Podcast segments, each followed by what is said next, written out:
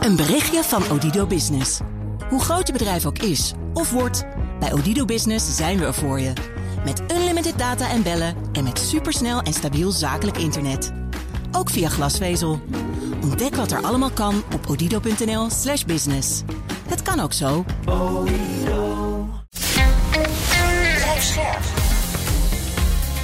BNR Nieuwsradio. Napleiten. Wouter Laumans en Christian Vlokstra. En hoe waren de slachtoffers er aan toe? Heel slecht. Ehm, de man die op straat is gevonden, die, eh, nou, die heeft echt geluk gehad dat hij het überhaupt kan navertellen. Maar die heeft een aantal weken in coma gelegen. Die was eh, zeer zwaar gewo- gewond. Is geslagen met een knuppel, eh, een mes gestoken en eh, een soort samurai zwaard.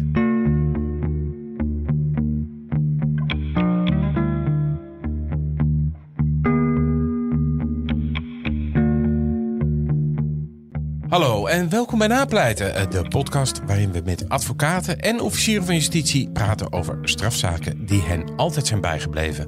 Mijn naam is Wouter Laumans en naast me als gebruikelijk strafpleiter Christian Vlokstra. Welkom Chris. Dankjewel, Wouter. Even de huisregels. In deze podcast praten we over definitief afgedane zaken. En vanwege de journalistieke zuiverheid behandelen we ook geen zaken waar Chris op enigerlei eh, betrokken bij is geweest.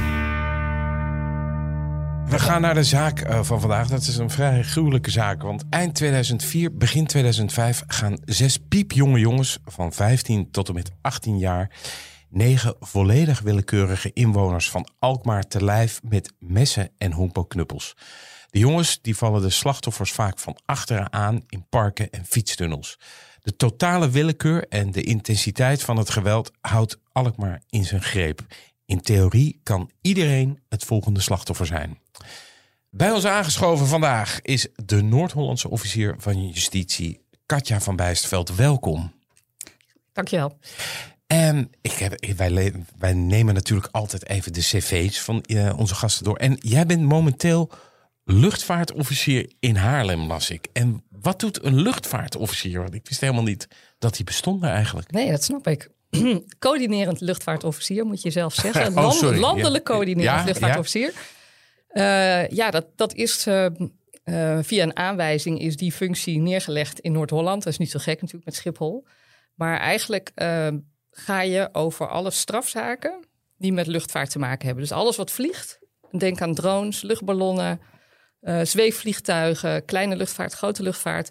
Waar iets gebeurt, een crash, maar ook waar bijna iets gebeurt. Of waar bijvoorbeeld een gezagvoerder of een piloot van een luchtballon zich niet houdt aan de regels. En de Ja. regelgeving is heel ingewikkeld in een luchtvaartland. Ja. Dat zijn zaken die dan via de luchtvaartpolitie, die op eh, Schiphol-Oost zit, eh, bij ons komen op een parket in Noord-Holland. Ik heb die functie nu nou, 3,5 jaar. En dat doe ik samen met een pakketsecretaris luchtvaartzaken, beleidsmedewerker luchtvaartzaken.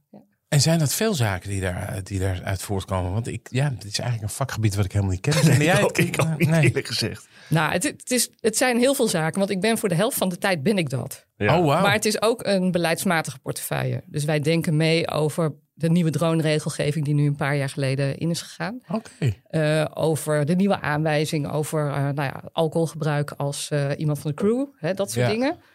Eh, en daarnaast hebben we heel veel structurele overleggen met de luchtvaartpolitie, met de luchtverkeersleiding, met eh, wat had ik vandaag dan met de mensen van IL- ILNT, dus van het ministerie, een ander ministerie. Ja, dan ga ik die, toch eh, even bellen. IL, IL, IL. ILNT. Ja. Sorry. Ja, het heeft, nee, Ja, mag. dat, dat moet Katje zelf uitleggen. Dat weet ik, dat Kijk ik ook niet. ja. Je kijkt naar mij, maar... eh, Inspectie voor leefomgeving en transport. Oké. Ja. Ja. Oh, gelukkig. Ja, mag ik even vragen? Hè? Want ik kan me, eh, ik kan me voorstellen, eh, hè, met Schiphol, hè, dat daar natuurlijk veel eh, geconcentreerd wordt qua hè, dingen die spelen.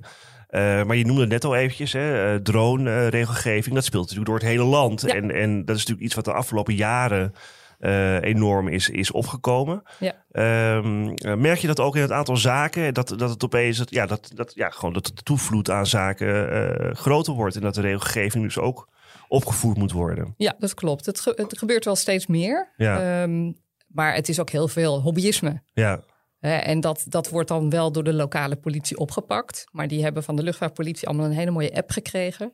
Op hun diensttelefoon. Waar ze mee allerlei stapjes kunnen doorlopen van wanneer is iets strafbaar. Hè? Het is echt ontzettend ingewikkeld Ja, geworden. maar ik denk dat heel veel mensen het ook niet weten. Ehm, Kijk, hier spreekt een advocaat. Nou ja, kijk, het is. Nou ja, kijk, wie het is. Kijk, het is natuurlijk zo. wist eh, dat helemaal niet. Kijk, de, de wet gaat er een beetje gaat ervan uit dat de burger de wet kent. Dat is natuurlijk niet zo, maar hè, de, de, die, je kunt nooit zeggen: ik wist niet dat dat strafbaar was. Weet je, ik bedoel, je wordt geacht de wet Ja. te kennen. Ja. Maar in dit geval, ja, ik zou, ik, bedoel, ik denk dat heel veel mensen ge- geen idee hebben wat wel niet mag in de lucht. Zeg maar, nee, maar ik moet wel zeggen dat heel veel mensen die dan wel bij ons terechtkomen, dat die zich wel heel erg in hebben verdiept. En Ja, er zitten er natuurlijk bij, zeker eh, bijvoorbeeld, we hadden een tijdje terug een vrij jonge jongen die eh, een bedrijfje had en zich liet inhuren om te filmen met zijn drone. Maar eh, hij had hem niet geregistreerd, want je moet van een bepaalde drone moet je in het RDW registreren tegenwoordig. Oké. Dat weten heel veel mensen niet. Nee. Maar het valt wel op dat als mensen zo'n ding kopen voor 500 zoveel euro, dat ze wel even denken van, hé, hey, waar moet ik me aan houden? En er is ook wel echt een eh, campagne geweest vanuit de overheid. Oké, ja, heb ik dan echt totaal gemist. nee, maar als je niet eh, geïnteresseerd bent in een drone, nee. dan, dan valt je dat niet op. Maar even voor onze luisteraars die, die een drone hebben. Wat is, echt, maar, wat is zeg maar, de belangrijkste regel die het meest overtreden wordt door drone-eigenaren? Je mag niet zomaar boven Schiphol vliegen. Met Nou ja, Precies. los van Schiphol, maar... nee, eh, maar de CTR's, die zijn heel belangrijk. Hè? Ja, Dus ga het- ik weer. Nou, ik bedoel CTR's. ja. Ja. ik vind het nu al een hele interessante Ja, uitzending. we we gaan zo naar de we zaak. gaan zo naar de zaak, Ja. maar dit is wel... Rustig aan, neem je tijd, eh, Katja. Oh, wat erg. Daar kom ik niet eens Nee, maar op. Je, mag ook uitleggen wat het zeg maar nou ja, is. het, beveiligde gebied, controlled eh, Ja. airspace. Nee, maar, Ja. dat, Maar zijn er daar veel van in Nederland of is het alleen ja. Schiphol? heel veel. Oké, Ja, ja. ja. En dat kun je gewoon, ja, dat kun je op de website van het ministerie kun je dat heel mooi zien. Want dat, heel Nederland zijn allemaal van die bolletjes gewoon over elkaar heen. Ja, Dus niet alleen de luchthavens, maar bijvoorbeeld ook wel eh, nou ja, steden, ja. binnensteden. penitentiaire inrichtingen. Nee, nee, ik, ik, Ja. ik heb vroeger bij de televisie gewerkt. En daar waren Oh. cameramensen altijd gek op drones. En dat was altijd gedonder met die dingen. Want eh, voor je het weet had je echt dikke vette boetes eh, aan je broek hangen. Als je Ja. zomaar dat eh, allemaal ging doen. En dat mocht allemaal niet. En ik weet dat het altijd veel gedoe was. Ja. Dus Maar als je een drone-eigenaar bent, sorry, dan hou ik erover op hoor, Wouter. Maar als je een drone-eigenaar bent, is er niet een soort app dat je kunt zien, hey, hier kan ik wel dronen en daar Ja. kan ik niet. eh, oh, die is er ook gewoon. Ja, Goed. die is er zeker. En, Ja. en wat ik al zei, op de website van het ministerie kun je het ook heel goed bekijken, waar je Ja. wel en niet mag vliegen. En eh, een bepaald merk drone heeft ook wel software erop zitten. Die eh, nou ja, eigenlijk je drone ni- niet meer laat vliegen als je op een bepaalde plek bent. Oh, hoogte. Tesla eigenlijk, ja. ja. Ja. goed jongens, we gaan naar de zaak We van gaan naar de zaak, Genoeg over die drones. We gaan naar eh, eind 2004, begin 2005. Die zaak van ja, eh, mensen die eh, volledig mishandeld werden. Hoe, hoe kwam die zaak bij jou, Katja? Ik zat in de weekdienst. Eh, zeg maar zo'n opvangweek die je dan hebt. En die tijd was het dan zeven dagen achter elkaar. Nou, in het weekend niet, maar gewoon door de week. En ehm, daar kwam op een ochtend kwam de melding binnen dat dat voorval had plaatsgevonden op de Molenkade. Wat was dat? Daar waren, daar, daar zijn van die woonboten. En daar waren twee mannen ehm, nou, heel erg heftig mishandeld. Eh, en één man lag op de molenkade en was gevonden door passanten. En die hadden de hulpdiensten gewaarschuwd. En later bleek dus dat degene met wie hij daarvoor in een woonboot had zitten drinken... dat hij ook slachtoffer was geworden van dezelfde groep. En dit was allemaal in Alkmaar. Dat was in Alkmaar op de molenkade. En dat was het eerste incident, begrijp Dat was het eerste incident in ieder geval wat toen geleid heeft tot het opstarten van het onderzoek. Later bleken daarvoor ook incidenten te zijn geweest die gekoppeld konden worden hieraan. Ja. Maar dit was eigenlijk het eerste incident. En hoe waren de slachtoffers eraan toe? Eh, heel, heel slecht. Ehm, de man die op straat is gevonden, die, eh, nou, die heeft echt geluk gehad dat hij het überhaupt kan navertellen. Wat hij zich er echt nog van kan herinneren, überhaupt. Maar die heeft een aantal weken in coma gelegen. En die Zo. was eh, zeer zwaar gewo- gewond. Dus geslagen met een knuppel, eh, de mes gestoken en een soort samurai zwaard. Daar had hij het in ieder geval zelf over. Dat is later ook nog in beeld gekomen. Maar eh, nou ja, hij heeft daar wel verhalen over verteld van wat daarmee gebeurde. En ik denk dat het ook inderdaad zo is gegaan, zoals hij het toen al heeft verteld. En hadden jullie enig idee over wat nou de aanleiding was geweest van dat geweld? Ehm, nou, zij, hij kon natuurlijk zelf helemaal nog niks vertellen, zes weken lang, want hij lag zes weken in Ja. coma. Maar die andere man, die, eh, die kon wel wat, wat vertellen, die kon een signalement geven. Nou, daar bleek eigenlijk al wel uit dat het hele jonge jongens moesten zijn. Ja, want wat vertelde hij precies? Eh, dat hij met zijn maat zat, eh, een bier zat te drinken in de boot. En dat er met stenen werd gegooid tegen de ramen van de boot. En één raam ging ook eh, kapot.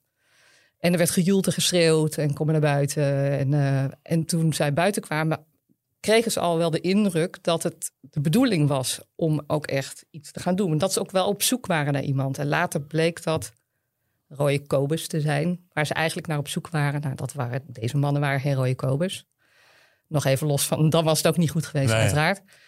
Ehm, en dat eigenlijk eh, ze meteen daar stonden met een knuppel en eh, het gevecht wilden aangaan. En hij zelf is toen gevlucht eh, naar binnen, eigenlijk, toen hij wat klap had gekregen. En zijn vriend, nou ja, niet. En die was ook eigenlijk heel boos. Hè, van, ja, waarom zit je aan mijn boot en wat is dit voor gezeik? Ja. En die is toen nog naar binnen gegaan, heeft een pikhouweel gehaald om zichzelf te verdedigen. Want die dacht, ja, dat laat ik me allemaal niet zo gebeuren. Ja. En eh, dus ze hadden wel de in, tenminste, hij had wel de indruk, en later vertelde die anderen dat ook, dat het wel een soort van doelbewuste actie was. Maar ja, dat zij eigenlijk dus nou ja, helemaal niks mee te maken hadden. Even, maar even voor mijn begrip, hè, want ik ken Alkmaar wel een beetje, maar ook weer niet heel goed. De, de, de molenkade waar dit, dit gebeurd was, was dat zeg maar oh ja, in het centrum, Nee. of druk gebied, of afgelegen? Of, Nee, een beetje afgelegen. ja. Ja, er en dus waren langs geen- het water. Geen getuigen, geen camera's. Nee. Nee, dus alleen signalementen en, en, en dat soort dingen. Ja, Was jij, was, jij, was jij geschokt door, de, door, door het geweld? Of Ja, je, je, je bent natuurlijk als officier wel wat gewend. ja, maar eh, ik was vooral ook geschokt omdat het zo ehm, willekeurig leek ergens toch. Ook al was dat verhaal er wel natuurlijk van die man. Maar ook eh, omdat het, wij er echt vanuit gingen dat die ene man het niet zou gaan overleven. Nee, zes weken coma is wel, eh, is wel heftig. Hè? En hij was echt heel zwaar gewond en dan ook eh, op verschillende manieren geweld. Dat, dat vond ik wel heel indrukwekkend. En vooral ook in combinatie met dat signalement dat het hele jonge mensen zouden moeten zijn. Ja. Wat heb je toen gedaan? Wat, wat is je vervolgstap geweest? Ehm, nou ja, we zijn. Eh, er is redelijk snel een TGO opgestart, een team grootschalig onderzoek. eh, met ja, een stuk of 15 rechercheurs volgens mij in het begin. Ehm, Op grond van dit incident. ja, van dit incident. Ook Ja. omdat het er dus naar uitzag dat hij misschien niet zou overleven, hè, dat Ja. ene slachtoffer. Dus dat is sowieso wel gebruikelijk. Ook toen was het al gebruikelijk dat er zo'n soort onderzoek wordt opgestart. En we hadden wel wat opsporingsindicatie, maar ook weer niet heel veel. Nee. Er was één schoenspoor en er was een, een stuk van de knuppel kapot gegaan. Dus daar moest, moesten we het eigenlijk mee doen. Zo, En zo precies. hard geslagen als een knuppel breekt. Ja, en precies wat jij zei, ehm, er, was, er waren geen getuigen, geen camera's. nee. Dus we moesten het gewoon toch wel ja, gaan kijken van hoe komen we hierachter. Ook Gelet op het feit dat het echt van jonge jongens leken, is er binnen de politie gesproken van hoe kunnen we dit nou gaan aanvliegen. En toen heeft redelijk snel heeft een analist van de politie heeft de opdracht gekregen van ga, ga eens kijken. Zijn er misschien soortgelijke incidenten daarvoor eh, te, te benoemen die hier misschien iets mee te maken kunnen hebben, omdat het zo excessief was. Ja. En wat je vaker ziet is dat het natuurlijk een, een, een, ja, een soort van verloop krijgt. Dat je misschien eerst begint met, met gewoon mappen, om het zo maar te zeggen. Ja. En dat zo'n explosie van geweld natuurlijk niet het eerste is waarschijnlijk wat je doet als groep. Een week later was, eigenlijk, was het opnieuw raak. Hè? Wat, wat gebeurde er toen? Ja, dat, dat was echt eh, wel heel heftig. Want toen werd het voor ons heel serieus. Omdat die signalementen die werden gegeven door de verschillende slachtoffers van dat weekend, waar ik zo nog op terugkom, dat het toch wel heel erg overeenkwam met de signalementen die wij van de, de ene, het ene slachtoffer kregen. Hoewel dat ook wel weer een signalement is wat slaat op ontzettend veel jonge Jonge jongens. jongens, ja. Hè, gewoon, ehm, Ja, want toen is er iemand met een honkbalknuppel bewerkt, toch? ja, klopt. Ja. En, eh, en diezelfde avond is er ook een, een, een man met een honkbalknuppel geslagen en in zijn rug gestoken, begreep ik. ja, dat klopt. En Hadden weer jullie- door een groep jongens, eh, begrijp ik. Ja, de eerste was, dan, was op 7 januari. Ja? Dat was een jongen die inderdaad, eh, die was alleen en die werd eh, te grazen genomen. En ehm, daarna volgden de andere incidenten. Dat was een dag later. Zo. Ja. Maar mag, was- ik, mag ik even vragen praktisch, eh, Katja, hoe dat dan werkt? Ja, dat, vind ik dan even interessant, eh. Wouter. Want je bent weekofficier, hè? Ja. Eh, dus het is eigenlijk zoals we advocaten op piketdienst hebben. Ja. De zaken die, die, die, die, die spelen, die komen bij jou binnen. Ja, je zei, het, wordt, het werd vrij snel een TGO, hè, gelet Ja. op de ernst. Nou, die man lag in coma. En ik neem ook aan dat Alkmaar best wel een rep en roer was misschien Ja, van dit hele gebeuren. ja. Ben jij toen meteen meegegaan met het TGO? Of hoe werkt dat dan? Nou, ik kan als, het is wel even geleden natuurlijk, maar wat ik me wel kan herinneren, wat gebruikelijk is, is dat je dan ook wel eigenlijk wel meteen wordt uitgeroosterd, zeg maar. Ja. Dat iemand anders op die stoel springt van, Van die de opvang. Ja. Ja. Eh, en de reden dat dat ik eigenlijk ook meteen wel echt met die zaak bezig verder ging, was dat ik al een paar jaar jeugdofficier was. En uh, dat in combinatie met die C-elementen en de gedachte twee ja, precies. Ja, En dat, wat er dan gebeurt, is dat je eigenlijk eh, nou ja, een soort gaat wonen op het politiebureau. ja. Hè, dus eh, dat was toen op de Mallegatsplein in Alkmaar, dat kennen centrum we wel. stad. Ja. Ja, daar zat eh, in een hele grote kamer zat het TGO-team. En eh, wat ik altijd ontzettend mooi vind van dit soort onderzoek en hoe dat bij de politie werkt. Dat ook al hebben mensen vakantie. Ze komen allemaal en ze willen allemaal meehelpen. En, eh, en die loyaliteit van de politie vind ik echt zo waanzinnig. En dat was bij deze zaak zeker. En ook die week daarna, hè, toen het dus nog meer ging gebeuren. Ja. Dat eh, ook al was het kerstvakantie. Hè, het was de tweede week kerstvakantie. eh, echt eh, iedereen kwam Er wordt, weer, helpen. er wordt weer Chinees besteld en, eh, Ja. en door. Ja, ja, Voor ja. mijn begrip eigenlijk, hè, dus het, het tweede incident waar we het net over hadden, of die tweede en derde incident, hè, dat, Ja. dat, dat vindt plaats als dat TGO al geopend is. Ja. Eh, dat is natuurlijk hartstikke naar, maar het levert ook meteen misschien wel ja, eh, opsporing, dus, eh, informatie op waar jullie verder mee kunnen. Ja, in zekere zin wel. Hoewel, ehm, ja, dat, er werd inderdaad wel overlap gezien. Ja, maar ook hier niet zo maar hard. nee, nee. En, en diegene was ook van achteraan gevallen. Hè? Dus dat maakt het natuurlijk ook lastig. Eh, het was wel duidelijk dat dat helemaal zonder enige aanleiding was. Eh, volstrekte willekeur. En die dagen daarna kwam dat dus nog meer naar boven. Eh, want toen werd het een jongen van 15. Hè? Dat werd het eerste slachtoffer. En ik heb me voor Het eerste slachtoffer? ja, van die dag. Van, de, Ja, ja. van de, wat is het, eh, 8 januari. ja. ja. Eh, eh, en daarna ging het natuurlijk nog door. Want dat was niet de enige die dag. En de- die jongen van 15 jaar... Daar heb ik me er nog vandaag nog even wat in verdiept. Hè. Ik heb nog wat gelezen van toen. En van jeetje. Het zal je overkomen dat Ja. je gewoon... Maar ook eh, gewoon met knuppels en messen bewerkt. In zijn rug gestoken met een mes. En, en die jongen die was voor het eerst... Daar had hij met zijn gitaar opgetreden daar in dat... ik word altijd heel boos van... ah, ik word altijd heel boos als ik dit soort dingen hoor. Ik moet even... Nee, maar ik word... Doe er- even een kleine pauze. Nee, helemaal niet. Maar ik vind het, ik denk dan, yeah, om, omdat er ook geen enkele aanleiding voor is. Hè. Kijk, eh, het deed, ik heb me natuurlijk ook een beetje ingelezen in deze zaak. Chris, ken jij die film Clockwork Orange? Dat is een hele bekende Ja, film ja, van, Stanley. Kubrick, van Stanley Kubrick. Waarin zeg maar een soort eh, groep jongens die, die, die slaan andere mensen totaal los met, met honkbalknuppels. Daar doet dit een beetje aan denken. Hè. Echt, echt zinloos geweld. Ja, het is een beetje een, containerbegrip inmiddels. Ik kan me voorstellen dat Alkmaar eh eh, gaandeweg echt wel in rep en roer raakte. Want dit raakt natuurlijk ook de openbare orde. Dus, eh, en in hoeverre beïnvloedt dat zo'n onderzoek? Want ik neem aan dat de burgemeester nou ook begint te bellen. Ja, nou, er waren van, op zich was het contact, zeker in, in die fase van het onderzoek, was gewoon heel goed. Want we hadden eigenlijk allemaal eenzelfde doel, gemeenschappelijk doel. Dit moet stoppen. Ja, Hè, dat hadden wij, dat had de politie, dat had de burgemeester. Eh, en de burgemeester had daarnaast nog als extra taak inderdaad die openbare orde. En hoe zorg ik ervoor dat ik mijn burgers, hè, het was eh, ook een wat oudere dame, die voelde echt zo als moeder van hè, mijn, mijn burgers die moeten gewoon rustig worden. kunnen slapen, moeten beschermd worden. kerntaak van de burgemeester. Ja, Ja, en dus wat ik eh, wel... Katja, bij, Katja eh, ga aan de gang. Ja, nou dat hebben we ook gedaan, maar zij ook. De gemeente heeft ook wel mooie dingen gedaan. En zeker na dat tweede weekend. Ja. Hè, van, nou, mensen waren ontzettend bang, durfden kinderen niet meer eh, s s'avonds op straat te laten fietsen. En de burgemeester heeft toen de opdracht gegeven om die bossages in dat Victoriapark allemaal te snoeien. Want daar was het, daar was het gebeurd. Ja, daar waren een paar dingen gebeurd. Zo van, hè, ook laten zien dat je als gemeente de angst serieus neemt, maar ook dat het minder eng is daar. Ja. En niet dat hele park afsluit. En het werd vervolgens helemaal blauw. Dus overal, dat deed de politie dan. Allemaal mensen in uniform ook. Dus Ja. veel meer aan het surveilleren. Dus dat is toen eigenlijk in die week ook gewoon eh, heel... Ja, Want wanneer kwam, wanneer kwam nou bij jullie het, het, het begrip of het idee van... hey, we hebben hier te maken met een, een, een vaste ja, dadergroep... die er eigenlijk gewoon eh, willekeurig eh, op aan het losslaan en steken is?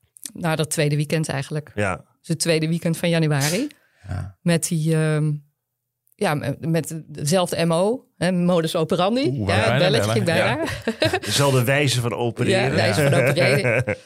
En eh, de beschrijving van, van de jongens. Ehm, het waren nou, witte Nederlanders, moet je tegenwoordig zeggen. Ja. Ja. Eh, die echt ABN spraken. Dus ehm, ja, jongens met wel allemaal hetzelfde soort jas die, waar iedereen toen in liep. Maar Ja. ook gewoon wat ze zeiden, hoe ze, hoe ze opereerden van achteren. Hè, dus de, voor ons werd het wel duidelijk dat het dus dezelfde groep.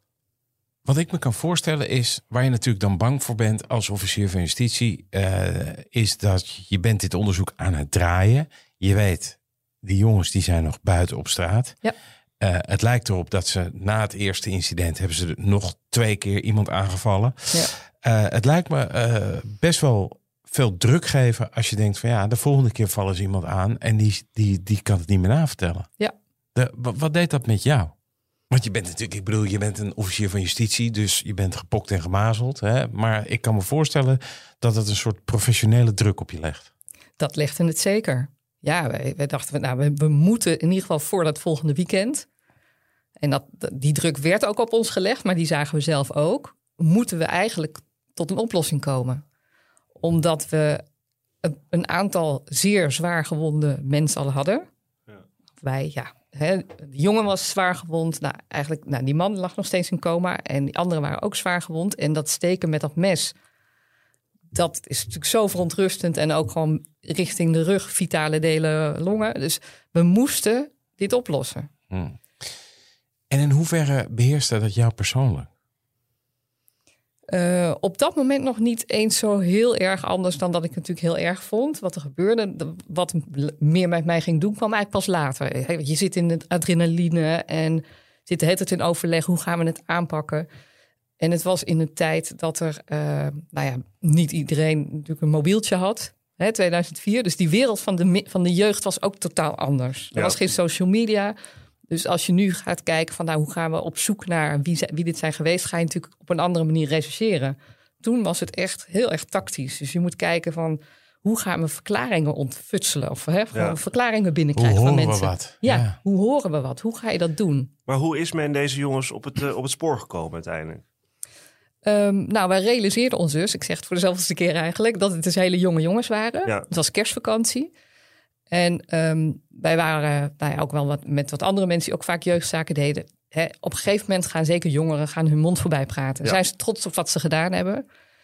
En wij dachten toen van, nou, we moeten eigenlijk ehm, ervoor zorgen dat die school weer gaat beginnen. Dat we, dat we de media opzoeken, maximaal. In de, met oproepen, ook aan getuigen. En dan ook wel details geven over hoe ernstig het letsel is bij mensen. En dan eh, nou ja, hopen dat echt iemand zijn mond voorbij praat. En dat anderen dan naar de politie stappen. Ja, dat vanuit Ja, de want- scholengemeenschappen dat daar het gaat eh, bewegen. En, en medeleerlingen. Ja, wat hebben ze, hebben ze hè, we hebben dus nu even kijken, vier slachtoffers. Hebben ze nog meer slachtoffers gemaakt? Wisten jullie dat? Nee, dat wisten ze toen nog niet. Nou, we hadden er ehm, natuurlijk twee op die molenkade. Ja, op de boot. Toen hadden we die jonge man Van in dat 15? park. Ja. Nee, daarvoor was er nog een andere jongen, een man. En toen die jongen van 15. Dus dat is vier, Toen nog een meneer in een tunneltje, meteen diezelfde nacht. vijf. Die van zijn fiets door twee jongens werd. eh, toen waren, waren, was, waren er nog twee. En toen nog een jonge vrouw. Die eh, door een van de verdachten nog is belaagd en met een mes is gestoken. Zo. Ja. En dat was, dat was die, die laatste, dat was allemaal geconcentreerd in dat ene weekend. Dus een paar avonden achter elkaar. Voor de kerstvakantie. Ja, Eh, tijdens in- de kerstvakantie. Tijdens de kerstvakantie. Ja, die la, dat laatste weekend eigenlijk van de kerstvakantie. Ja. En jullie hebben dus toen de publiciteit gezocht? Ja. Ja, dus we hebben, nou ja, zo heet het dan nog ter plaatse. Och, ja, dat is een soort opsporing verzocht van... ja, eh, klopt, van de, van de locals eh, in het eh, noorden. ja. ja. RTV Noord-Holland of zo. ja, Ja. ter Ja. plaatse, ja. Ja, nou, dus die hebben echt gefilmd en eh, geïnterviewd. En eh, nou ja, echt gewoon maximaal op de, op de mens ges- gespeeld, zeg maar. Met oproepen. ehm, en we hebben nou, op alle mogelijke manieren de media opgezocht, ook landelijk. En wat we dachten eh, dat er zou gaan gebeuren, dat gebeurde. Ja. Want wat gebeurde er? Nou, een van de jongste jongens, hij was toen 15, die, ehm, die zat eh, na de gymles of voor de gymles, weet ik niet meer. Maar die eh, was aan het opscheppen in de kleedkamer. En eh, die vertelde dat hij erbij was geweest. En eh, dat ze in de media zeg, zeiden dat het er drie waren, maar het waren er vijf. En hij was daar dus één van. Eh, en hij had ook geschopt. En eh, hij liet vol trots het bloed op zijn schoenen zien. Kijk. En dat, ehm, en dat was voor medeleerlingen uiteindelijk de aanleiding om dat thuis te bespreken. En ehm, een aantal jongens kwamen toen ook met de ouders naar de politie. Ja. En er zijn nog wat andere tips binnengekomen. Ook rond diezelfde tijd kwamen er nog wel wat meer tips binnen bij de politie. Waarin ook de naam van nou, zeg maar de latere hoofdverdachte Ja. eh, werd genoemd. De Mhm. voornaam, waar die woonde. En, eh, en dat was dus dat was de oudere broer van de jongen die zo trots eh, zijn schoenen had. Mag ik even vragen, hè? want dat is natuurlijk ook. ehm, En los van dat je natuurlijk bezig bent met het oplossen van een probleem, hè, van Mhm. een veiligheidsprobleem, openbare ordeprobleem, eh, ben je natuurlijk ook bezig met een opsporingsonderzoek wat uiteindelijk moet leiden tot een strafzaak. Ja. Hè, en waarvan je dan ook weet van, hè, misschien hebben we een aantal verdachten op een gegeven moment in beeld, misschien hebben we daar wat bewijs tegen, maar goed, dat bewijs gaat natuurlijk ook misschien wel bestreden worden. Ja. Ehm, eh, en je hebt hier natuurlijk te maken met jonge mensen. Je wil informatie uit scholengemeenschappen. Eh, er, is één, er komt informatie binnen over één 15-jarige hè, die, die stoer loopt te doen. eh, en wat informatie over de latere hoofdverdachte. Wat gaan jullie doen dan? Ik bedoel, is het, is het dan, we pakken meteen de jongste en kijken wat we daaruit kunnen trekken? Of, want je moet toch ook het bewijs verzamelen tegen niet één verdachte, maar meer verdachten. Wordt er over nagedacht, hoe werkt dat? Nou, daar zijn we wel echt mee bezig geweest. Want we, ja, ik ben wel echt. ehm, kijk, waarheidsvinding is het allerbelangrijkste. Ja. Hè? En je wil natuurlijk wel iets stoppen, maar ik wil ook dat iedereen gewoon op de juiste manier wordt bejegend. Dat eh, hè, alle rechten worden gerespecteerd. Dat je Ja, maar dat je ook gewoon het bewijs hebt, het goede Tuurlijk, het bewijs goede hebt bewijs om, hebt. mensen, Ja. hè, om mensen te Ja. veroordeeld te krijgen. Dus niet ruksigloos die 15-jarigen binnentrekken, maar eerst kijken van, nou ja, wie horen er dan nog meer bij dat groepje? Nou, ik noemde daar straks al even de analist. Nou, dat is goud in een, in een op- opsporingsonderzoek. Ja. En zeker vanaf het begin af aan er al bij betrokken. Dus er is toen echt maximaal geïnvesteerd op het in kaart brengen van de omgeving van degene van wie we dachten, nou, die zijn er waarschijnlijk bij betrokken. Want toen ook wel echt meespeelde eh, en ook heel belangrijk is geweest, is dat twee politieagenten op straat werden aangesproken door de vader van een andere hoofdverdachte. Eh, die vertelde van, nou ja, ik weet allemaal niet wat het betekent, maar mijn zoon is eigenlijk een week niet thuis geweest. En hij, eh, hij verbleef bij nou, de latere hoofdverdachte. Hij noemde wel de voornaam. Ehm, en ik heb een tijdje terug wat messen in zijn slaapkamer gevonden. Die Ja. heb ik weggegooid. Oei. Nou ja, en dat was eh, nou ja, eigenlijk ook weer een, een, een aspect, een punt, wat gewoon meegenomen kon worden. En Ja. toen werd ook de, de rol van die hoofdverdachte, die werd, werd geplust eigenlijk door dit verhaal erbij. Ja, want het lijkt me een puzzel die lastig te, leg- te leggen is. Hè? Chris zegt het net ook. Wie hoort er nou wel bij en wie niet? Ja, en veel incidenten, misschien niet altijd in dezelfde samenstelling. Ja. Klopt. Ja. Eh, wie heeft wat gedaan bij Ja. welk incident? Ja. ja, dat klopt. Maar we hadden op zich door zeker dat verhaal van, van die jongen die aan het opscheppen was, hadden we in ieder geval dat, dat incident van het eerste weekend van januari kregen we wel wat meer in beeld. Ja. Van die twee mannen was dat. Maar van die twee mannen, inderdaad. Dus En wanneer had je, had je nou zoiets van, nou, ik heb het nu wel zo rond dat ik denk van, we gaan over tot, tot aanhoudingen? twee dagen later. Zo. Ja, we hadden op woensdag, nou, op, op dinsdag was volgens mij een media-offensief begonnen. Op woensdag was volgens mij dat, dat, dat die jongen ging opscheppen. Ja. En dat de eerste getuigen zich ook echt gingen melden. En op donderdag kwam daar nog wat bij, donderdagavond. En op vrijdagochtend hebben we opdracht gegeven om ze aan te houden. Maar hoeveel hebben jullie toen aangehouden, weet je dat nog? Ehm, vijf. Zo. En we hebben er twee op school aangehouden. Dus die jongen en nog zijn vriendje. En dat doe ik eigenlijk nooit. Nee. Deed ik Waar- nooit. waarom niet? Nou, omdat ik dat... Ja, hij is sowieso zijn, zijn ze verdachte. Ja. Hè? En eh, je beschadigt iemand misschien ook heel erg. ja, want dit zijn kinderen. Ja, ook dat. Eh, ja, maar ik zou ook nooit een verdachte op zijn werk aanhouden of iets. Hè? Weet je, dat, je probeert dat natuurlijk, zolang ook een onderzoek loopt. Hè? Je moet dat natuurlijk gewoon zorgvuldig aanvliegen. Oh ja, wat geestig. Want ik zou denken, joh, ik weet zeker dat hij het is. eh, eh, pak hem maar gewoon eh, wanneer we hem kunnen pakken. En als, of dat eh, bij hem thuis is, of op zijn werk of in de kerk. Dat maakt, zou mij niet zoveel Nee, uitmaken. oh nee, nee ik, ik zit er wel wat anders in. Kijk, als je gewoon iets moet gaan voorkomen wat op, op het punt Ja. staat te gaan gebeuren, Ja. oké. Maar als je gewoon bezig met een onderzoek bent, eh, ook stel als je een onderzoek hebt waar niet zo'n druk op zit, dan doe je dat netjes, tenminste. Maar kijk, het is, het is uiteindelijk, eh Wouter, ik bedoel, ik snap, ik snap het onderbuikgevoeletje wel een beetje. Hè, gelet op eh, hè, waar ze uiteindelijk ook voor veroordeeld zijn. Nou, wacht heel even. Het onderbuikgevoeletje, Chris. Deze mensen slaan mensen totaal los. en ja, maar op dat neer. moment, ja, maar op dat moment zijn ze nog verdacht. Hè, geldt de onschuldpresumptie. Zeker. Eh, en daar komt bij dat natuurlijk de aanhouding, dat mag het Openbaar Ministerie en de politie mogen dat doen als er voldoende bewijs is. Maar ook de aanhouding, hoe je dat vervolgens uitvoert, moet gewoon op een zorgvuldige magistraatelijke wijze gebeuren. Het hoeft, Ja. niet, het hoeft niet een extra punishment te zijn. Dus extra Nee, maar- punitief. oh, oh, van, nee. oh, ik haal je uit de klas. Nee, Of ik haal je Nee, uit je dat- werk nee, maar en, dat is- eh, dat en zou- stickers afgeplakt. Daarom word ik al wat zo razend. Hè, van de politie die, die die stickers plakt op die, op die, op die auto's. Nee, maar omdat ik denk, weet je, jongens, de schuld wordt hier nog niet vastgesteld. Hè? Dit is alleen nog maar een, een verdenking. Maar we gaan het behandelen in onze andere Katja, ik had podcast. een andere vraag. Hè? Want ik kan me best. Het, het is heel snel gegaan. Hè? Ja. Media-offensief, eerste informatie, eigenlijk allemaal binnen een week. Ja. Maar hadden jullie dan binnen een week ook echt zeg maar de, de, de, de, de vijf jongens zeg maar in het oog? Dan had je er allemaal voldoende tegen van dit zijn ze en hier kunnen we mee aan de slag. Ja. Zo. Oké, nou ja. Nou, dat- Oké, ja, ja. nee, nee. dat is prettig. Ja, maar ik moet wel zeggen, hè, en dat, dat ging toen daarna heel erg spelen, ehm, dat, we nog wel, dat ze nog wel verdachten waren. Ja. En Ja, die, want- vri- die, ja, die vrijdagmiddag hadden ze natuurlijk nog geen verklaring afgelegd. Want Nee. Dat, dat duurt nu allemaal wel even. Ik kan me voorstellen dat als je burgemeester bent van Alkmaar. en je krijgt te horen, nou, we hebben vijf verdachten aangehouden. dat je denkt als burgemeester, zo, dat ga ik even wereldkundig maken. Want de rust en de orde in mijn stad, die zijn wedergekeerd. We got them. Ehm, ja, dat snap ik. Ja, ja, ja. Ja. ja. Ehm, eh, was dat hier ook zo? Wat, wat, wat, want ik kan me voorstellen dat jij zegt, ja, wij zijn magistratelijk, het zijn nog verdachten, jongens, met de slag op de arm. Maar hier heb je dus wel twee bewegende delen. Ja, Hè? Want de rechtsgang is er één, maar de openbare orde, dat is er ook één. ja. Hoe ging dat in deze zaak? Eh, ik vond het heel ingewikkeld. En ik snapte de burgemeester absoluut. En ehm, ik dacht ook wel dat we goed zaten. Al want die wilde, die wilde iets. Ja, nee, die wilde eigenlijk wat je net zei, die wilde natuurlijk die wilde uitdragen van hè, we hebben het opgelost, Alkmaar is weer veilig. Ja. Echt letterlijk die tekst, Alkmaar is weer veilig. Dat, zei, dat zei ze op de vrijdag van de, van de aanhoudingen. Ja, Ja. dat klopt. Dat wilden ze gaan uitdragen. Hè? Ja. Dat wilden ze gaan uitdragen. Dus we hebben, wij zaten op dat Mallegatsplein.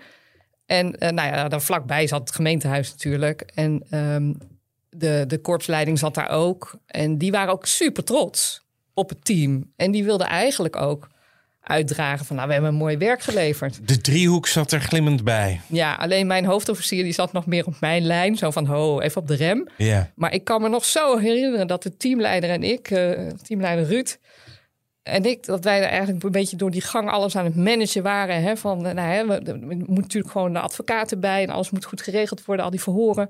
En ondertussen heet het van ja, maar ze willen een persconferentie en dit en dat. En wij wilden dat helemaal niet, want wij hadden een persbericht wel klaarstaan. En dat Ja. was wat ons betreft waar het, dan zouden we het eigenlijk mee moeten doen. Een sumier persbericht noemen wij dat op de krantenredacties. Want ook minderjarigen. En Ja. eh, nou ja, heel zorgvuldig, zorgvuldig.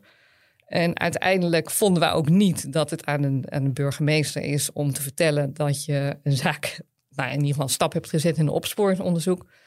Nou, uiteindelijk is er een soort van compromis, geloof ik, uitgekomen. Er is wel een persconferentie gekomen, maar, maar wel daar werd de- helemaal niks gezegd. nou ja, met heel veel slagen om de arm natuurlijk van, hè, er zijn mensen aangehouden. En eh, nou ja, Maar een persconferentie van de burgemeester met de... met de hoofdofficieren. Met de Ja, hoofdofficier. maar ik kan me dat heel de- goed voorstellen. Want ik bedoel, eh Al- Alkmaar, als je ze- ze- we moeten de bosjes gaan snoeien omdat daar misschien jongens uitspringen met messen. Ik kan me echt voorstellen dat het belang van eh, openbare orde is een ze- zeer zwaarwegend belang. Ja, maar Wouter, maar eventjes hè, toch. Wat is er mis mee hè, in dit geval als het Openbaar Ministerie doet aanhoudingen? Hè, en die geven daar een persbericht over van... Hè, we hebben vijf jongens aangehouden en eh, die gaan ervoor enzovoort enzovoort. En de burgemeester maakt ook een statement vanuit Ja. de gemeente. en Zegt nou, ik heb kennis genomen van... eh, we zijn verheugd daarvan. We hopen dat daarmee het probleem is opgelost. We hebben alle vertrouwen in het OM en de politie. En ook het komend weekend zal de politie eh, groot surveilleren en enzovoort enzovoort. Dat kun je ook doen. Hè? Je hoeft geen persconferentie te beleggen. Je kunt ook als burgemeester juist vanuit het openbare orde veiligheidsprobleem zeggen... hey, er is een stap, mogelijk een goede stap gezet. Daar ben ik heel blij mee. Ondertussen blijven wij waakbaar in die, waakzaam en dienstbaar. Dan kun je toch ook tijdens Ja. een persconferentie zeggen? Ja, maar daarmee loop je dus het risico. Want kijk, op het moment dat wordt gezegd... Alkmaar is weer veilig. ja. Nee, maar ik Ja. weet niet of ze had gebeurt gezegd iets, hebben. Nee, maar dat Ja, zou... maar dat, als, als, dat, Dat, soort wilden dingen- ze wel zeggen. En volgens Ja. mij is dat ook zo wel ergens in de krant terechtgekomen. Oh Dat jee. dat, eh, Ja. En het bleek dus ook, dat, want een van de jongens die we op die vrijdag hebben aangehouden, was niet een van de jongens die bij alle incidenten aanwezig was geweest. Die had echt een totaal andere rol. Ergens helemaal in het begin bij een feit, wat we toen nog niet eens echt in beeld hadden, Ja. van december. En, en op zaterdag hebben we ook nog twee jongens aangehouden. Waarvan er ook eentje weer in vrijheid is gesteld diezelfde dag. Wat mag ik even vragen, hè, voordat mij eh, de mond werd gesnoerd door, eh, door Wouter hiervoor. Ehm, eh, hè, want we hebben de vorige keer met, met de officier van justitie, eh, Milene, hier ook, bij, ook over gehad. Het moment dat je gaat oppakken, hè, dus de, de klapdag zoals wij dat ook wel eens noemen. Ja, Ehm, je hoopt natuurlijk ook dat die jongens gaan praten Ja. hè, bij de verhoren, bij de politie. Dat je daardoor nog meer duidelijkheid krijgt van wie wat heeft, hè, waarbij is geweest. En gebeurde dat ook? ja. Ja. Redelijk, redelijk snel eigenlijk al. Ja. Volgens mij die eerste, tijdens de eerste verhoren is er al behoorlijk veel gezegd. Ja. Ik heb het niet helemaal meer scherp hoor, van wie wat precies wanneer heeft gezegd. Maar de, die verklaringen waren wel aanleiding voor twee aanhoudingen de dag erna. Ja. Want hoe oud waren nou de verdachten die je hebt aangehouden? Variërend hoor, in de Nou, leeftijd. de hoofdverdachte was 18. Oké, dus die was al meerderjarig. Ja. En de jongste in de regel? Eh, volgens mij 14. Zo. Ja. En, en wat was het verband tussen deze jongens? Waren het Waren- jongens uit de buurt? Of? Ja, ze kenden elkaar allemaal wel uit, eh, uit een buurt in Alkmaar. En twee dus van school. Ja. Die twee jongsten die eh, zaten bij elkaar op school, als ik me goed herinner. Het waren ieder geval vrienden van elkaar. En het was dus een oudere broer en een jongere broer. En dan wat vrienden van de oudere broer. Ja. Maar die waren dus ietsje jonger dan hij zelf. Maar hier zit ook dus direct... eh, eh, want kijk, we hebben het over jonge mensen, minderjarige mensen, over heftige feiten. Ja. Dus je, je zit met de Raad voor de Kinderbescherming, eh jeugdreclassering, maar ook allemaal gedragskundige eh, eh, Ja. elementen, aspecten die hier aan zitten. Kun je daar iets over zeggen? Hoe, hoe werkt dat? Hoe heeft dat gewerkt toen? Ook vanuit jouw rol als officier van justitie natuurlijk. Ja. Nou, het was eigenlijk al wel heel snel duidelijk dat het heel noodzakelijk zou zijn als iedereen mee zou werken aan een persoonlijkheidsonderzoek. En Ja. dat hebben de, volgens mij heeft iedereen dat ook gedaan. De oudste jongen die is naar Pieter Baan Centrum eh, gegaan. En, eh, en die heeft ook echt meegewerkt aan alle soorten. Wat Ja. was nou het beeld wat je kreeg uit de verklaringen? Wat was nou een beetje... Kijk, ik kan me voorstellen dat je... Je kijkt natuurlijk eh, wie heeft wat gedaan. Maar wat was nou het beeld, het gevoel wat opsteeg uit het dossier wat je aan het maken was? Wat was daar gebeurd eigenlijk? Hè? Waarom, waarom zijn deze jongens dit gaan doen? Het is begonnen bij een straatroof, eigenlijk, in december. Eh, lopen over straat, je een beetje vervelen. eh, komen er wat aan fietsen. En, de, en iemand heeft gezegd van, hey, zullen we die pakken of zo. Zo is het begonnen. En daarna is het eigenlijk gewoon steeds verder gegaan. En was dat berovingselement is gewoon eigenlijk helemaal weggeraakt. Ja.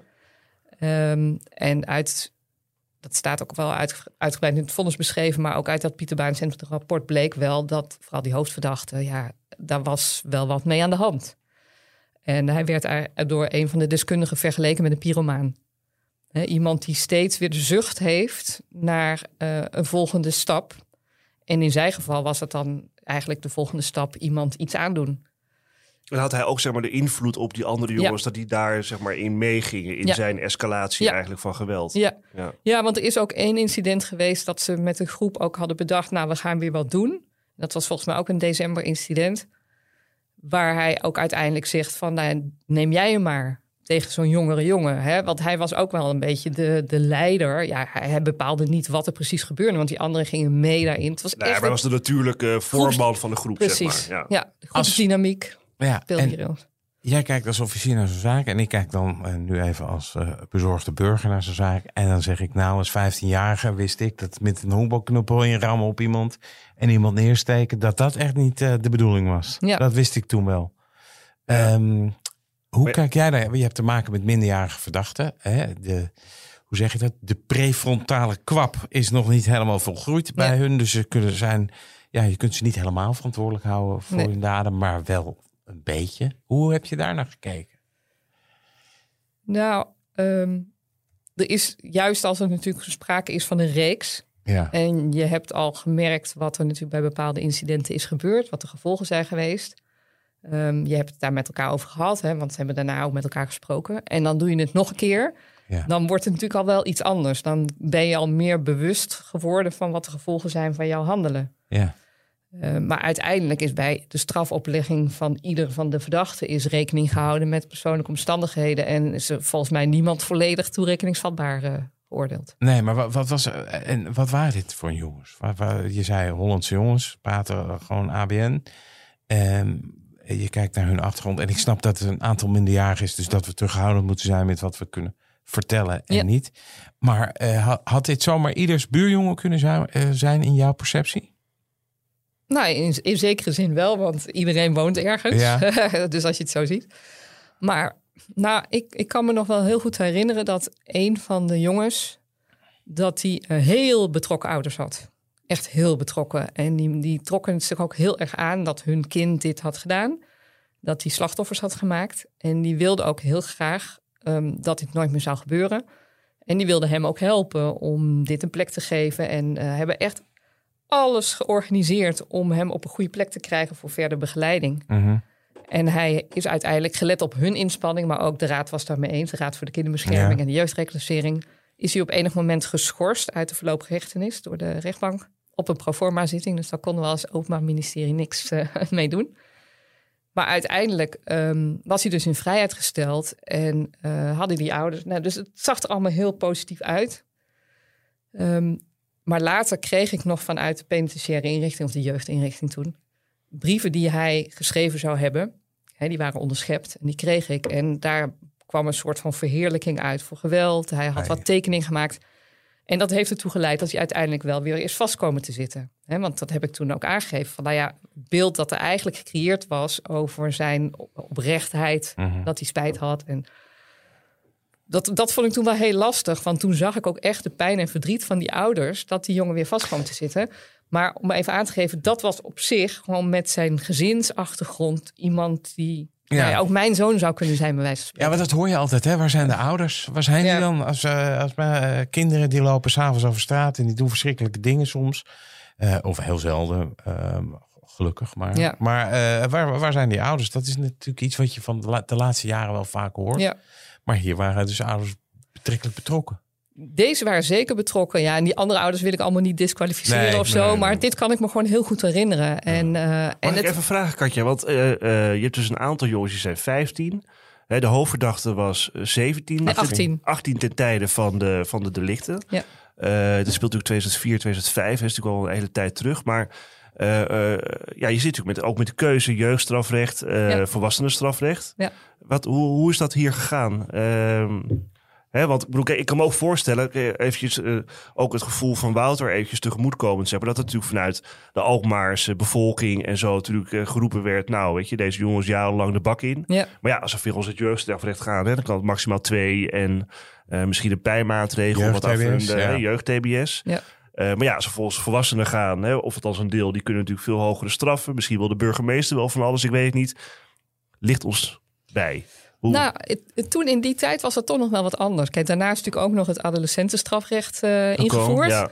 Hè, dus ik ben benieuwd hoe dit nu zou zijn geweest als met die jongen van 18. Maar toen is er juist ook wel heel erg de focus geweest, ook in het Pieter Baan onderzoek, van is er een reden om hem volgens het jeugdstrafrecht te, te bestraffen? En eh nou, die conclusies die uit dat rapport kwamen, boden daar eigenlijk geen handvatten voor. En gelet ook op eh, nou ja, eigenlijk hoe die verder zich had ontwikkeld, paste dat meerderjarige strafrecht wel bij hem. Ook al heb je inderdaad die ontwikkeling, ja, Ja. hij was 18, eigenlijk nog hartstikke jong natuurlijk. ja. Uh, maar bij die andere jongens was het eigenlijk op grond van al die onderzoeken wel duidelijk dat moet gewoon jeugdstrafrecht zijn. En ik kan me ook niet herinneren dat er toen heel veel roep was vanuit de bevolking van uh, aan de hoogste boom of dit en dat. Nee. Iedereen was vooral blij dat het opgelost was. Ja. Ja, ja. Tenminste, hè, de, de- natuurlijk de slachtoffers die sommigen vonden wel dat het allemaal wel wat strenger kon, maar zij zagen ook wel dat die hoofdverdachte de, de belangrijkste dader was. En deed je al die zaken, zowel de jeugdzaken als Ja. de, de, de, de hoofdverdachte meerderjarige? Ja. Heb jij getwijfeld eh, om eh, tussen poging doodslag en poging moord eh, Ja. te lasten te leggen? Ja, ze zijn eigenlijk in eerste instantie allemaal voorgeleid op poging doodslag. Ja. Omdat ze natuurlijk nog niet zoveel wisten. En op een gegeven moment, toen dat patroon wat duidelijker werd... en ook wel duidelijk werd dat ze afspraken hadden gemaakt van tevoren... en er eerder natuurlijk incidenten waren met grote gevolgen... toen heb ik voor een aantal feiten poging moord te lasten gelegd. En dat, daar zijn ze ook voor veroordeeld. De Hoe, hoe, hoe gedroegen ze zich op zitting? Van wat je erover kan zeggen. Hè? Want dat is natuurlijk ook weer ingewikkeld. We hebben te maken met minderjarige verdachten. Die zittingen zijn besloten. Ja. Hè? Daar mag de pers ook niet bij. Ehm, eh, proceshouding. Ja, de iets proceshouding in algemene zin komt ook terug in een vonnis hoor. Dus Ja. dat? Ja. ja. Ik, ik, zoals ik me kan herinneren, was eigenlijk iedereen eh, heeft veel verteld. Ook die hoofdverdachte heeft veel verteld. Want ja, en hij heeft ook meegewerkt aan Pieter Baan Centrum onderzoek. Dus die heeft echt wel inzicht gegeven in, in zijn handelen. Ehm, en dat hij ook eh, nou ja, het, het gewoon een, een drang voelde. Ja. Ik kan me herinneren dat er één verdachte was die zichzelf er wel probeerde een beetje uit te lullen. En volgens mij is dat ook de zaak geweest waar ik toen in een hoger beroep ben gegaan. Omdat ik het niet eens was met het vonnis. Katja, mag ik even, even inzoomen dan op, op de hoofdverdachte? Hè? Want die had meegewerkt met het Pieter Baan Centrum. Wat, Ja. wat kwam daar voor advies uit? Daar kwam eh, in ieder geval verminderde toerekeningsvatbaarheid uit als Ja. advies. En dat er sprake was van een persoonlijkheidsstoornis. Ja. Wat natuurlijk niet heel verrassend is, denk ik. En wat ik daar straks zei, hè, dat pyromaan eh, gedrag. En dat hij ook uh, dus een, een, drang bleef voelen om iemand iets aan te doen. En dat hij daar echt wel behandeling voor nodig had. Een TBS een met... TBS met dwangverpleging werd geadviseerd. Ja. En wat ik me dan afvraag, hè, want ik bedoel, ik heb het vonnis gelezen en de luisteraars kunnen het ook lezen. Het zijn schokkende feiten. Ja, hè? het vonnis staat in de show notes. Ja, en dit is een 18-jarige jongen hè, die, die een beetje als, als voorman van de groep heeft geopereerd. Wat was je strafeis en hoe kwam je daar eigenlijk toe? Mijn eis was acht jaar gevangenisstraf en TBS met dwangverpleging. Ja, En wat eigenlijk gebruikelijk is bij eh nou, allerlei zaken zoals deze, of in ieder geval hè, heftige zaken, of ingewikkelde zaken, is dat wij een strafmaatoverleg doen, intern op het eh, pakket. Ja, daar hebben we hier vaak over gehoord. Ja. Ja. En dat heb ik hier zeker gedaan. Gelet op de gevoeligheid, de mediagevoeligheid, maar gewoon alle gevoeligheden. Eh, en dan rekening houden met alle omstandigheden. Dus ook zijn persoonlijke omstandigheden ehm, en zijn leeftijd.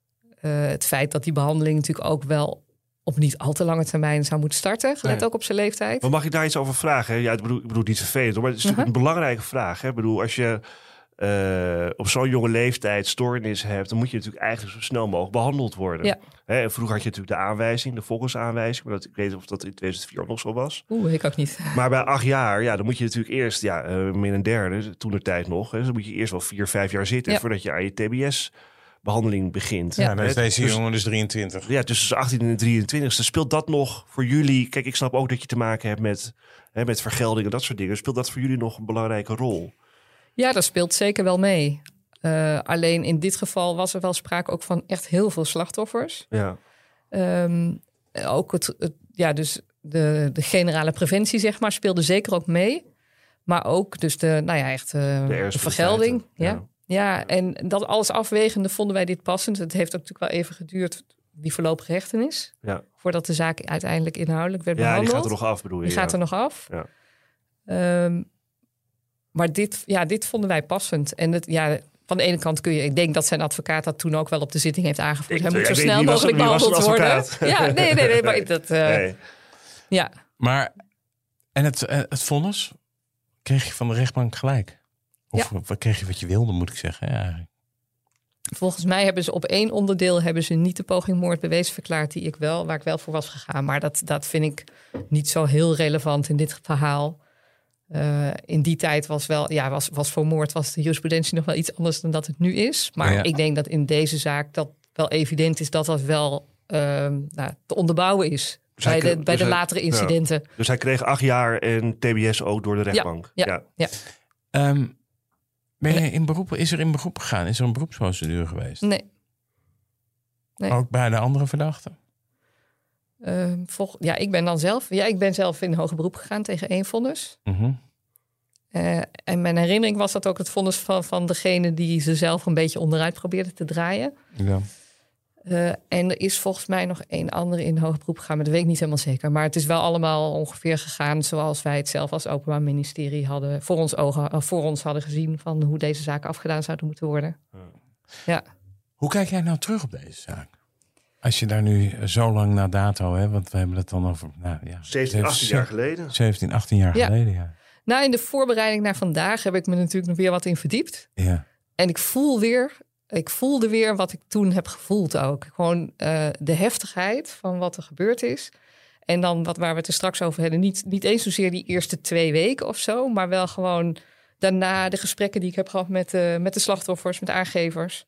Ik heb met iedere slachtoffer af- afzonderlijk gesprek gehad, maar ook als groep heb ik ze. Hè, ik dacht van voor degene die dat wilde, hè, niet iedereen wilde dat als groep.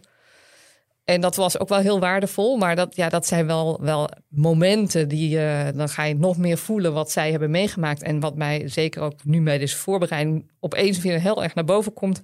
De angst die zij hebben gehad, dat ze het gewoon niet zouden overleven. Ja. En eigenlijk ook dat gevoel dat het gewoon een terechte angst is geweest, gelet op het letsel dat hen was toegebracht.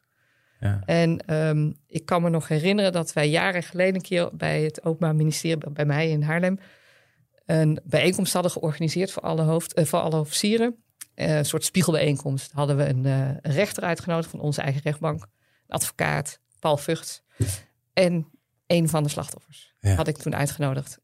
gewoon om te vertellen van hoe zien jullie ons, hoe hebben jullie de, ervaren jullie ons en wat kunnen we ervan leren, wat kunnen we anders doen. En ik kan me nog herinneren dat ik haar introduceerde en dat ik toen echt heel erg emotioneel werd. En toen dacht ik, ja, dit, dit is zo echt onder mijn huid gaan zitten, deze zaak. Daar zat toen dus al een paar jaar tussen. En nu, ja, nu ben ik niet heel emotioneel meer van geworden. Maar ik dacht van, van jeetje, het was wel echt heel heftig. Was je zelf eigenlijk inwoner van Alkmaar toen nee. tijd? Niet? nee. Nee.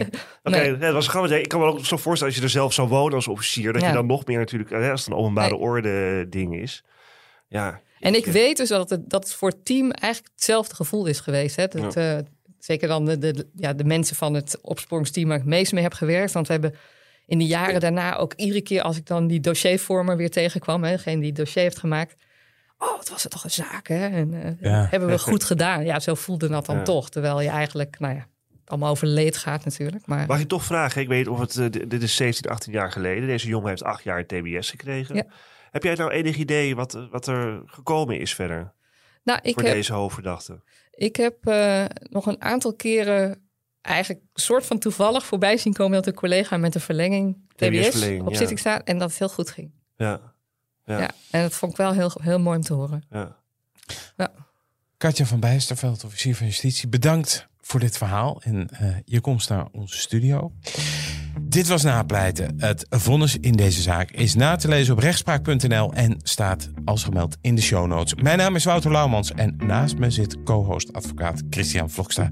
Deze podcast is te beluisteren op Apple Podcasts en Spotify. Vergeet u vooral niet te abonneren, dan bent u op de hoogte als er weer een nieuwe aflevering online staat. Verder zijn we uiteraard te volgen op Twitter en Instagram. Dank voor het luisteren en graag tot de volgende keer.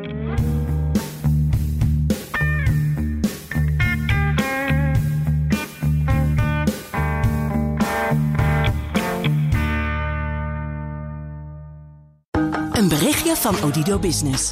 Hoe groot je bedrijf ook is of wordt, bij Odido Business zijn we er voor je. Met unlimited data en bellen en met supersnel en stabiel zakelijk internet. Ook via glasvezel. Ontdek wat er allemaal kan op odido.nl/business. Het kan ook zo.